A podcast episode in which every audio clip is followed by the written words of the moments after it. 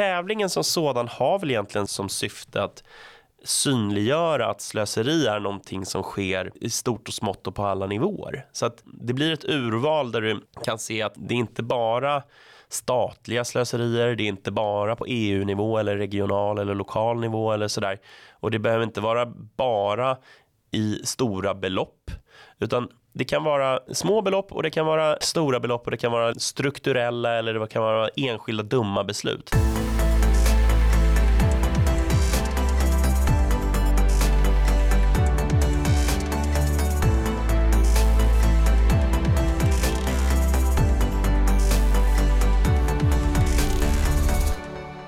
Varje år arrangerar Slöseriombudsmannen tävlingen Årets värsta slöseri, som, vilket namnet skvallrar om, handlar om att kora just årets mest aktuella och värsta slöseri.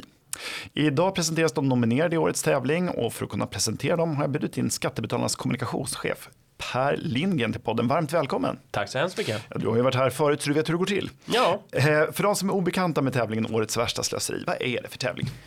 Jo, men det här är en tävling där eh, allmänheten eh, har fått eh, genom under året tipsa om eh, vilka slöserier de tycker eh, är uppseendeväckande. Och eh, slöseriombudsmannen har ju då eh, grävt vidare i dem och rapporterat om dem och så vidare.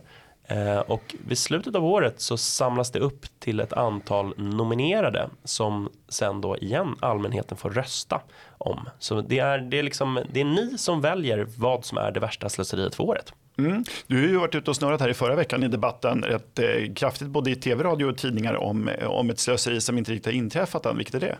Ja, det. det, det, är inte nominerat i år kan man säga. Nej, det är inte nominerat för det är väl, det är väl eh, någon slags preemptive strike vi kör där. Alltså, vi försöker mota Olle i grind innan det blir ett slöseri. Men det, det är Sveriges ansökan till OS 2030 som är en mycket, mycket dålig idé. Och du eh, var ju i debatt angående Sveriges ansökan 2026. Då lät det precis likadant. Då pratades det om att man skulle använda befintliga arenor och man skulle göra det ena och det andra för att hålla nere kostnaderna. Och tack gode gud så fick inte Sverige eh, arrangera OS 2026 utan det blev Italien och nu står de då med dumstruten och skenande kostnader och eh, ja, egentligen allting har spruckit på det sättet som du sa då. Och, ja, som det alltid gör. Ja, och jag, jag var ute och kommenterade det egentligen eh, på samma sätt. Att så här, ja, men en genomsnittlig OS-budget spricker med 172 procent.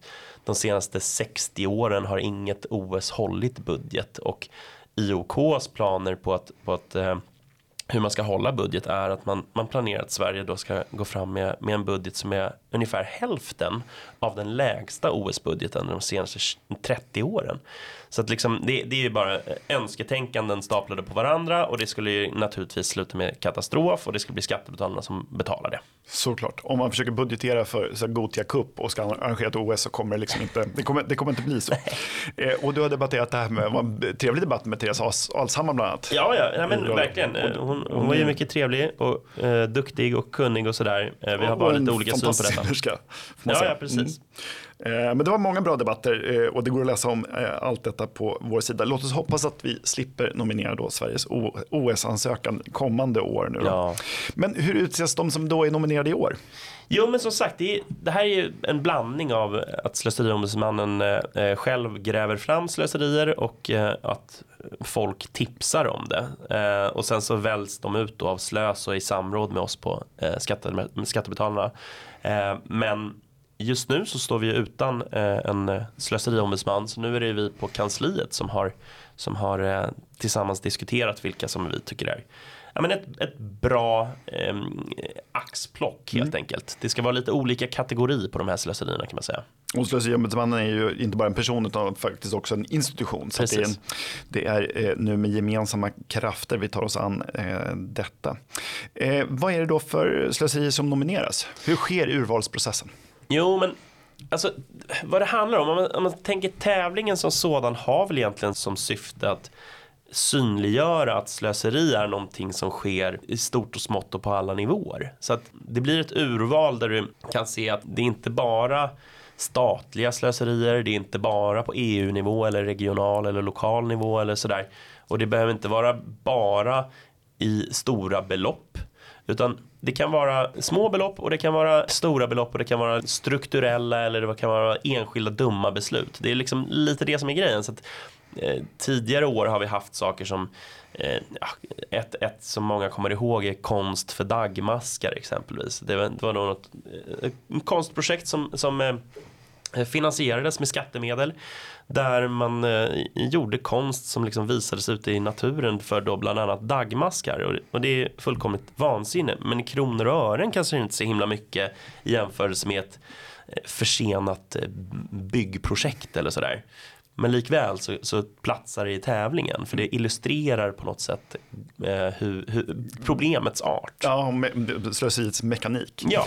Eh, nej, så det är inte bara den som har blåst mest pengar utan det nej. är liksom man kan, vara, man kan vara mer upprörd över något som, som har kostat mycket pengar eh, eller någonting som har kostat lite pengar men som är särskilt uppseendeväckande. Just så. Så att det, det, det finns lite olika och det är ju inte en vetenskapligt framtagen lista enligt vissa kriterier utan det är ju en, en, blandning av exempel med stora slöserier, små slöserier, mm. saker som är rent knasiga för att det är så tokigt tänkt från början mm. eller för att man helt enkelt har haft dålig kostnadskontroll som kanske ja, upprörande nog men kanske inte så spektakulärt. Ja, det är väl någon slags minsta gemensamma nämnare. Mm. Alltså dålig kostnadskontroll är ju någonting, det är en sjuka som plöjer igenom precis alla eh, eh lager i samhället. Mm. Och, och det finns några konsta för maskar och vad heter det, en trollsyn i hjärtmarkerna som vi hade, var förra året va? Ja det var förra året. Mm. Det, det, var precis, då, det var också ett konstprojekt som på något sätt skulle röra sig i gränslandet mellan vetenskap och konst och då var det eh, ett antal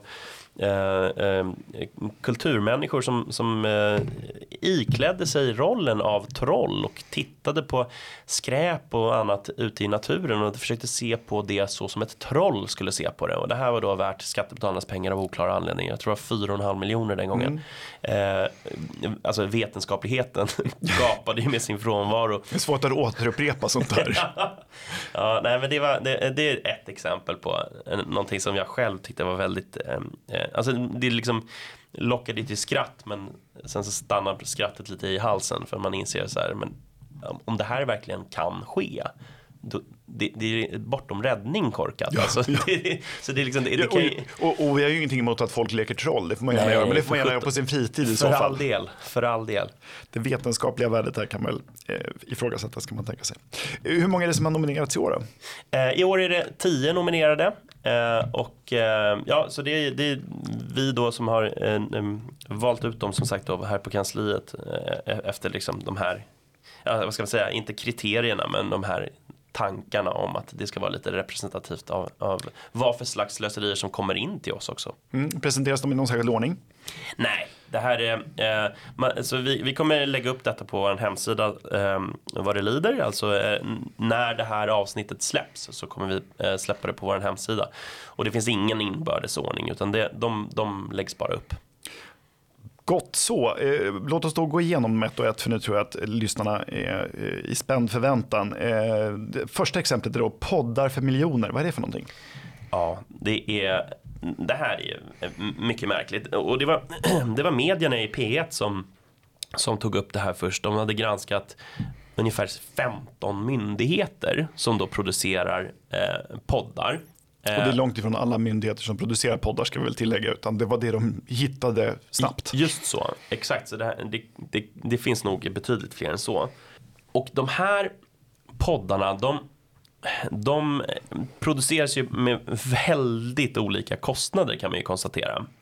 Så i det övre kostnadssegmentet så kan man då eh, nämna då Nämnden för hemslöjdsfrågor som lagt 25 000 kronor per avsnitt och Vinnovas podcast som kostar 30 000 kronor per avsnitt. Alltså, jag vet inte ifall jag, ifall jag liksom... Vi måste skaffa guldmikrofoner. Ja, precis. Jag vet inte ifall jag säger några affärshemligheter när jag berättar det att den här podden som vi producerar nu, den kostade inköp av utrustning och sen våran tid när vi spelar in det. Det är vad den kostar.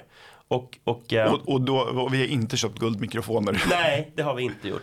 Och, och jag menar, det finns ju ett antal av de här myndigheterna som medierna tog upp som, som producerar poddar på precis det sättet och det, det kan man ju tycka är fine om det är ett, är ett sätt att få ut sitt budskap. Det, det kan man ju eh, såklart diskutera ifall det är vettigt eller inte eh, redan Men, där. Men alltså när du har en produktionskostnad på 30 000 kronor på avsnitt, jag undrar vad man gör då. Alltså. Jag kan inte ens fantisera ihop hur det skulle gå till. Och om man inte kan fantisera ihop hur det går till, då Men, kan man fundera över hur det går till när kriminalvården som det är värst i klassen, när de, de deras tredje poddsäsong, säsong, den, den har kostat 645 000 kronor att, att producera. Vilket innebär alltså en kostnad per avsnitt på 129 000 kronor. Och det räcker liksom inte. För sen ska de då marknadsföra den här podden och det har kostat 3 miljoner kronor. Så alltså om vi bryter ner det per avsnitt inklusive marknadsföringskostnad så är det uppe i 729 000 kronor. är det Max Martin som har producerat podden och sen så har liksom paret Beckham gjort reklam för den? det, är så, det, är, det är så konstigt att ingen drar i bromsen. Och, och då, då är det då en, en, en person som jobbar som brand manager på kriminalvården. För det behövs tydligen, en, en brand manager. Eh, hon har då sagt så här Eh, jag ser det mer som en investering egentligen än en kostnad såklart. Jag ser inte det som helt såklart att, att det är en investering. Men eh, ja, eh, och det här är liksom så som de resonerar runt det så är det typ så här. Ja men kriminalvården är liksom i en expansiv fas och det behövs fler anställda och så vidare. Okej, okay just därför kanske ni inte ska brända över 700 000 per avsnitt på en podd. Vad sägs om den tanken? Man skulle veta hur det här utvärderas sen. Och, ja. och vem vet, nästa, nästa gång kanske de vill eh, liksom sponsra något av de stora fotbollslagen i Europa eller någonting. Så att det kan stå kriminalvården på ja. Manchester Uniteds tröjor. Ge, ge dem inga idéer. Nej, nej, man ska vara försiktig med sånt där. Um, Eh, vi går, det här är, det är så fullständigt skogstokigt. Ja. Eh, Arbetsförmedlingen och de 90 uppsagda eh, nyrekryteringarna är, är, nästa exempel. Då. Det är en helt annan kategori får man säga, även om det här också är en, en ja, myndighet. Precis, alltså, då, så Arbetsförmedlingen de, de nyrekryterade 90 personer som skulle gå en nio veckor lång internutbildning för att bli arbetsförmedlare. Eh, och alltså redan där kan man fundera över Alltså arbetsförmedling, eh, eh, myndighetens liksom hantering av arbetsförmedling är ju kraftigt ifrågasatt och man måste fundera lite över hur svårt är det att vara arbetsförmedlare? Behövs det alltså en nio veckor lång internutbildning? Jag är personligen, jag det ska inte tala för någon annan, det, det, kan man kanske tycka är legitimt men jag är personligen väldigt undrande runt ifall det är påkallat med nio veckor lång utbildning för detta. Men okej, okay, så det, det, det, det, bedömer de som, som eh, nödvändigt. Och då, då sätter de de här människorna i, en, i den nio veckor långa utbildningen, 90 stycken. Och dagen innan den är avslutad, då säger de upp allihopa. Så det var liksom, de, de rekryterade dem, de internutbildade dem och de sa upp dem. det, var, det var det projektet. Ja, och det blir sammanlagt då 810 veckor om jag, om jag räknar rätt. eh, och delar det då med 52 så får man antalet års, årsarbeten som har kastats i sjön. Ja. Eh, eh ja, det är förfärligt. Eh, vi har sen också en gång och cykelbro som eh, eh, Stockholms kommun och Region Stockholm har bråkat om och det har kostat vad då? Ja, jag tror inte vi riktigt har sett vad det har kostat till slut. Det här notan kommer nog skena i min spaning. Men, men vad det handlar om är då att alltså, Stockholms stad vill bygga en, en gång och cykelbro vid Slussen då, nära Gamla stan. Eh, och den, alltså det finns en närbelägen tunnelbanebro som man då har diskuterat ifall det är säkert att bygga den här bron eller inte. Alltså, och, och då har regionen, de menar att metoden inte är säker utan det finns en inte obetydlig risk för att tunnelbanebron eh, sätter sig och tar skada. Och då medför det risk för långvariga och allvarliga eh, trafikstörningar. Och det här, jag menar jag är inte skickad att bedöma vem som har rätt eller fel i sak här. Men, men det som är det märkliga är ju att man har liksom hamnat i en, i en konflikt där beslutet om byggnationen är så vitt jag kan se taget. Men Sen så drar man i bromsen och så håller man på och träter om detta. Och då, då är det ett uttalande då, eh, från eh, Eva Rosman på projekt Slussen som är en del av Stockholms stads eh, exploateringskontor. Och hon sa då att ja, men, vi har en stilleståndskostnad som ligger på ungefär en miljon kronor per dag. Så det här projektet, att man inte kan komma överens om bedömningen eh, ifall det är eh, risk eller inte, kostar åtminstone en miljon kronor om dagen. Och då för där två politiska församlingar med likartade styren på båda håll mm. eh, bråkar med varandra eh, och det är samma väljare. Som, det är deras väljare som drabbas oavsett vem, ja. som, vem av dem som har rätt. Ja, visst.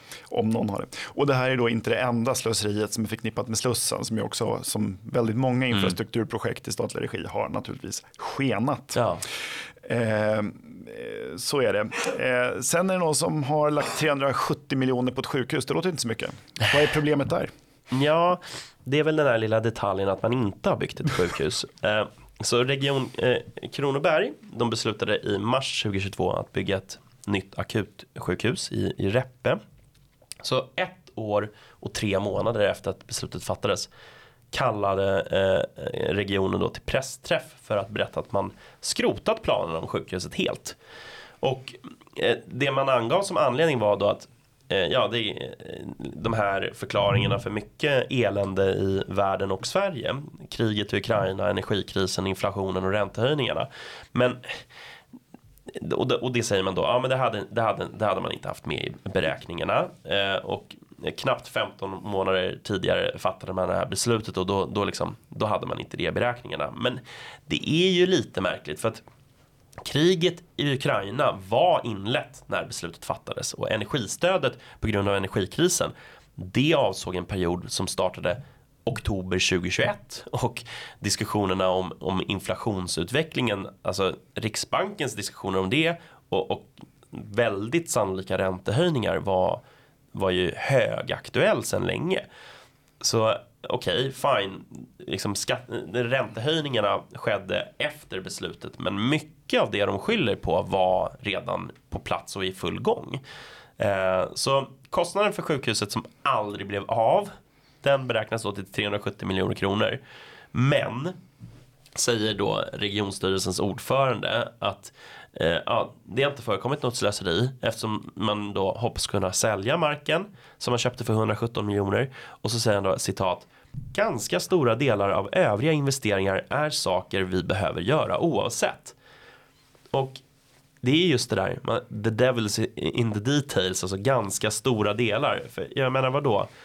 På vilket sätt är projektering och, konstruktörer och liksom arkitektkostnader av ett sjukhus på vilket sätt är det någonting eh, liksom, som, som, som, man kan återanvända? Som man kan återanvända eller man behöver göra oavsett. Jag, jag, jag ser inte riktigt det. Eh, så det här är ju helt uppenbart slöseri i, i, ja, i stora mått eh, bisarrt. Eh, men det finns de som har spenderat, eh, eller håller på att spendera, mer än tre gånger så mycket och det är ju eh, Kiruna va, som, som håller på att bygga ett badhus. Ja, och det här... Ska, ska barnen inte få simma i Kiruna? Nej, men precis. Det, är, det är skattebetalarna går ut och säger att de ogillar swimmingpooler. Nej, inte riktigt så. Ja, men alltså, det, det, det, det här är ju precis ett sånt exempel på eh, alltså dålig kostnadskontroll och så vidare. Det här, det här ärendet, när vi fick in det, då låg väl kostnaden på, jag tror det var 700 miljoner och man har ju fått skriva om det här för det var ganska tidigt klart att det här kommer bli en kandidat i årets värsta slöseri. Jag har fått skriva om den här texten ett antal gånger för nu, nu är det alltså ett badhus för över en miljard vi pratar om. Alltså det, då, då ska de bygga det här badhuset och, och, ha, och de hade ursprungligen beräknat att det skulle kosta 360 miljoner kronor. Och det var fyra år sedan. Och det, det kan man ju tycka i sig är ganska hög nota för ett badhus. Men det är väl, ja, det är väl då ett väldigt ambitiöst och fint badhus vad jag förstått. Men nu då, fyra år senare, så har kostnaden stigit till över en miljard. Och grejen är att det här är pengar som Kiruna kommun, alltså de har inte de pengarna. Så kommunen har därför dragit på sig lån på 314 miljoner kronor. Vilket ju, alltså alla som står med bolån eller andra lån nu vet att det är inte så här svinhärliga räntetider. Så att den årliga räntekostnaden för skattebetalarna är, alltså det är mångmiljonbelopp bara där. Eh, och dessutom har man behövt ta pengar som har varit avsedda för ja, men, nya lokaler för skola och omsorg för att täcka upp för då finansieringen av Sveriges i särklass dyraste badhus. Det är ju, eh, i Kiruna bor lite drygt 22 000 personer så att eh, kostnaden per, skatte, per invånare och då jobbar ju inte alla. Nej. Det finns barn och gamla och sådär. Men slår man ut det per skalle så är det alltså över 40 000 kronor per medborgare där badhuset kostar. Man kan få, man kan få rätt mycket bad för de pengarna kan jag tänka mig. Det är en kallsup det. Det är en kallsup. Åh, oh, bra.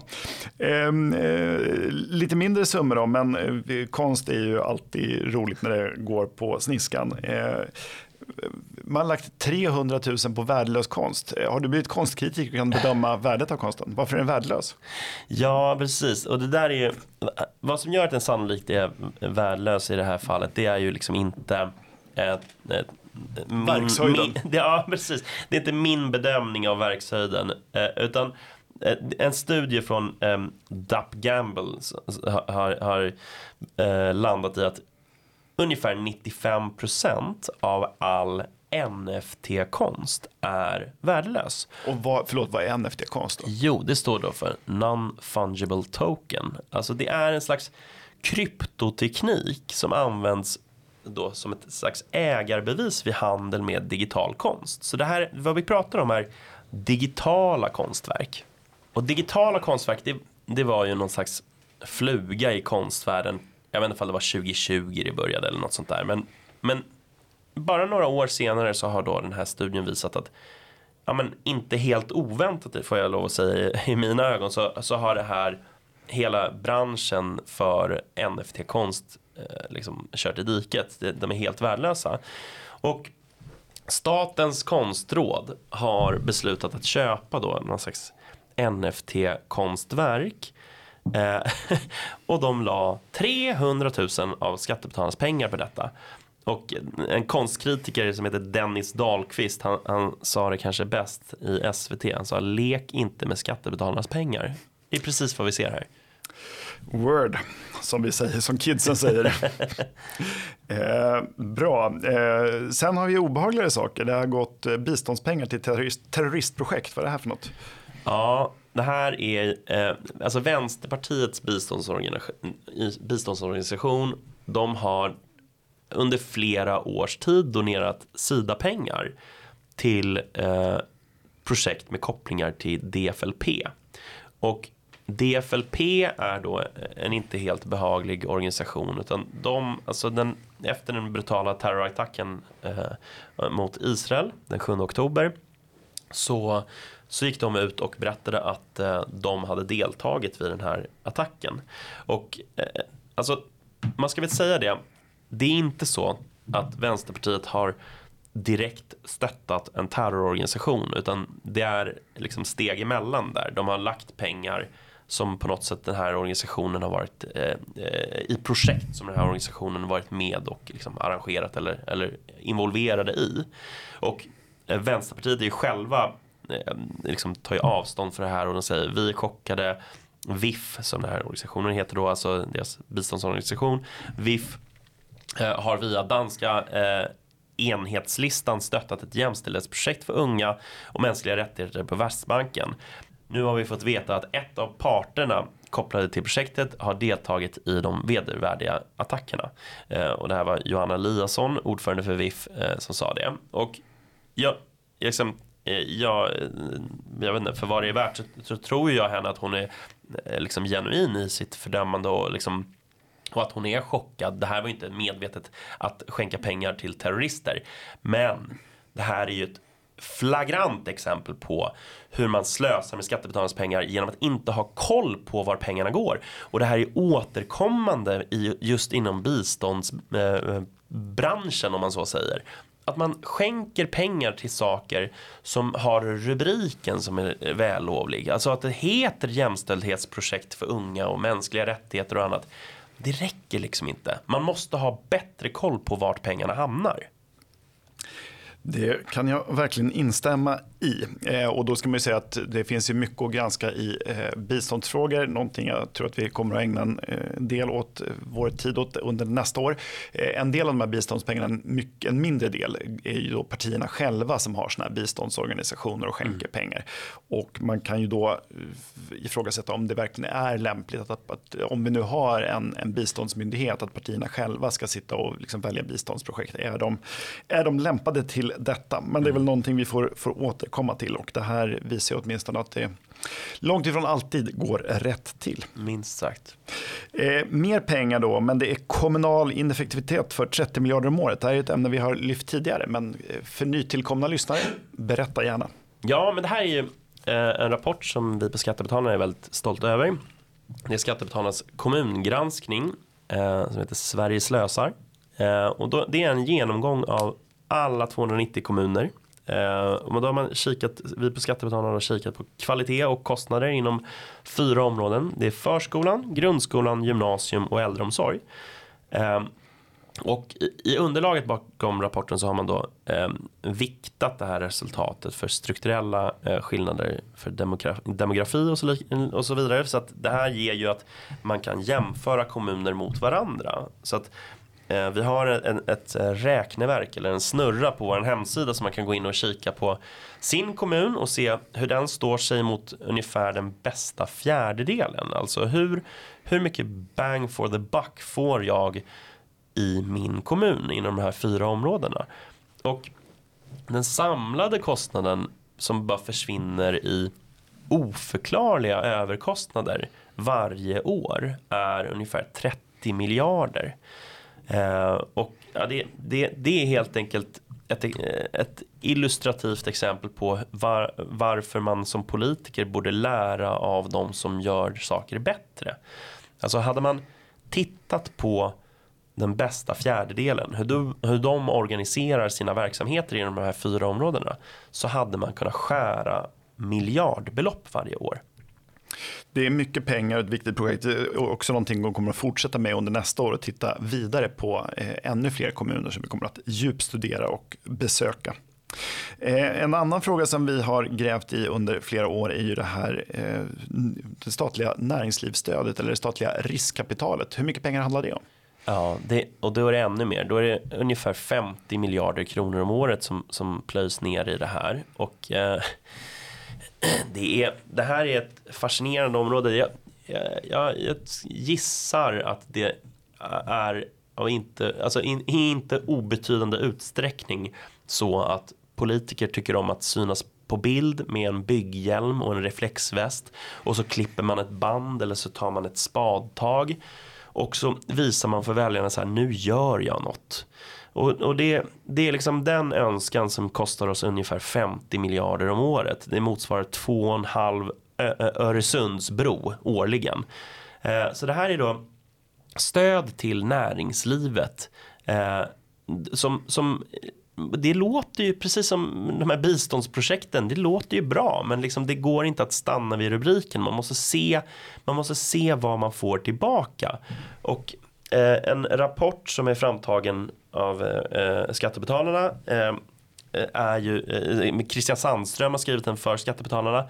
Den visar då att det här är helt värdelösa stöd. De här ger ingenting tillbaka. Det här är liksom politiker som vill leka affär. Alltså man går in och spekulerar i vilka verksamheter som kommer bli lönsamma och inte och eh, sysslar helt enkelt med sånt som man överhuvudtaget inte ska syssla med. Det man däremot ska syssla med är ju att riva hinder för företagande och för entreprenörskap och annat. Det är så man får näringslivet att växa och, och eh, eh dra vinst och slut, i slutändan också ge större skatteintäkter.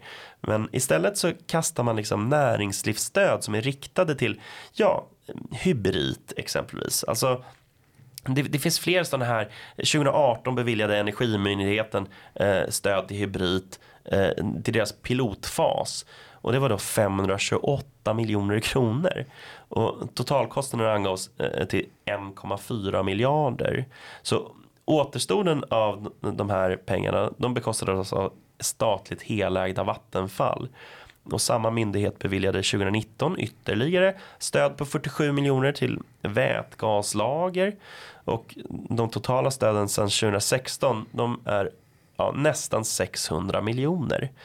Ytterligare 150 miljoner av eh, hybridföretagens egna medel investerades i vätgaslager och eh, Energimyndigheten beviljade ytterligare medel 2020. Så allt det här, det är liksom det, det, det här är liksom eh, en, en fluga just nu. Att nu, nu ska alla satsa på ja, men vätgaslager eller batterifabriker eller eh, det ena med det andra. Och, och då vill, vill eh, politiker visa så här, men jag är i framkant, jag är innovativ och jag gillar ju entreprenörskap. Titta hur mycket pengar jag kan kasta på detta. Om man ser, ett så ser man inte alternativkostnader, det vill säga var de här pengarna skulle kunna göra bättre nytta någon mm. annanstans. Sänker mm. man skatterna så är det lättare att driva företag, precis som du är inne på. Men sen visar också forskningen att de här företagen som får stöd, det enda som liksom skiljer ut dem från andra företag är att de har högre lönesummor. Mm. Det är helt enkelt svårt att välja vinnare, det kommer att locka till sig folk som egentligen inte är i eh, businessen för att driva företag utan för att söka bidrag. Du kommer att snedvrida marknaden, och mm. konkurrera ut kanske bättre alternativ alternativ.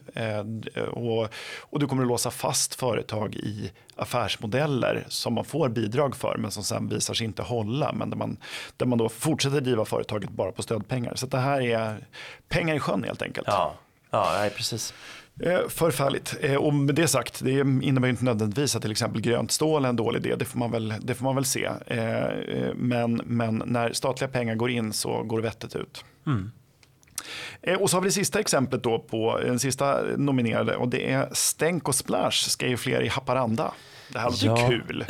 Ja, alltså det här är lite återkommande tema. Vi har varit inne på det ett antal gånger tidigare. Alltså när, när kommuner ska locka eh, folk och företag till kommunen Eh, och då gör man inte det genom att eh, ja, exempelvis ha låga skatter och bra service och sådär. Utan då ska man liksom eh, sminka sig lite. Så, så det de har gjort nu i Haparanda är att man har eh, ändrat grafisk profil eh, till en kostnad av, eh, alltså, eller kostnaden har, har de inte riktigt helt kommit fram till utan de har tagit fram en brandbook som det heter det, där man då får se de nya grafiska elementen och den har kostat och arbetet för att ta fram den ungefär 300 000 kronor. Eh, och eh, ja, alltså jag är som sagt ingen konstkritiker, jag är inte heller eh, art director eller någonting ens nära det. Men, men eh, i mina ögon så ser eh, den nya grafiska profilen ut som att man har tagit en tvättsvamp, doppat den i olja och slängt den mot en gul vägg. Det är ungefär så det ser ut. Så de här stänken och splashen ska då ge att alla känner så här, nej men det är nog Haparanda jag ska bo i ändå. Och där ska vi eh, leva och frodas och bilda familj och betala skatt. Eh, det är inte en helt självklar korrelation eller kausalitet i, i min värld. Men eh, den här visuella identiteten hoppas man då ska bland annat resultera i ökade födseltal. Spännande, då, då, då, vet jag andra bilder som jag ska hjälpa till bättre. Men, men, men nej, det är väldigt, väldigt konstigt. Om, jag, jag, har träffat många människor som har flyttat under sina liv och jag har aldrig hört att, att eh, en kommunlogotyp skulle vara eh, skälet till att man valt just den bosättningsorten. Nej men precis, jag är precis eh, på väg att flytta och i början på nästa år ska jag flytta själv. Jag har inte riktigt kollat in kommunens grafiska profil ännu. Det, det var inte en Gör liksom, det innan det är för sent. man vet aldrig, tänk ja. om du har ful grafisk profil. Ja, ja det vore förfärligt. Eh, då blir det inga barn gjorda. Nej, Nej. kanske inte blir ändå. Så kan det vara. Ja, och nu är alltså de här, det här var de tio nominerade och nu är det upp till allmänheten att rösta. Hur gör man om man vill rösta? Då går man in på vår hemsida skattebetalarna.se avs som i alltså årets värsta slöseri fast utan ringen ovanför å eller a1. Så att skattebetalarna.se avs. Spännande och sen ska det bli intressant att se vilket av de här bidragen som vinner och när presenterar vi det? Vi kommer köra den här tävlingen nu eh, över årsskiftet och sen så presenterar vi vinnaren någon gång i början på nästa år. Vi har inte satt ett exakt datum på det ännu.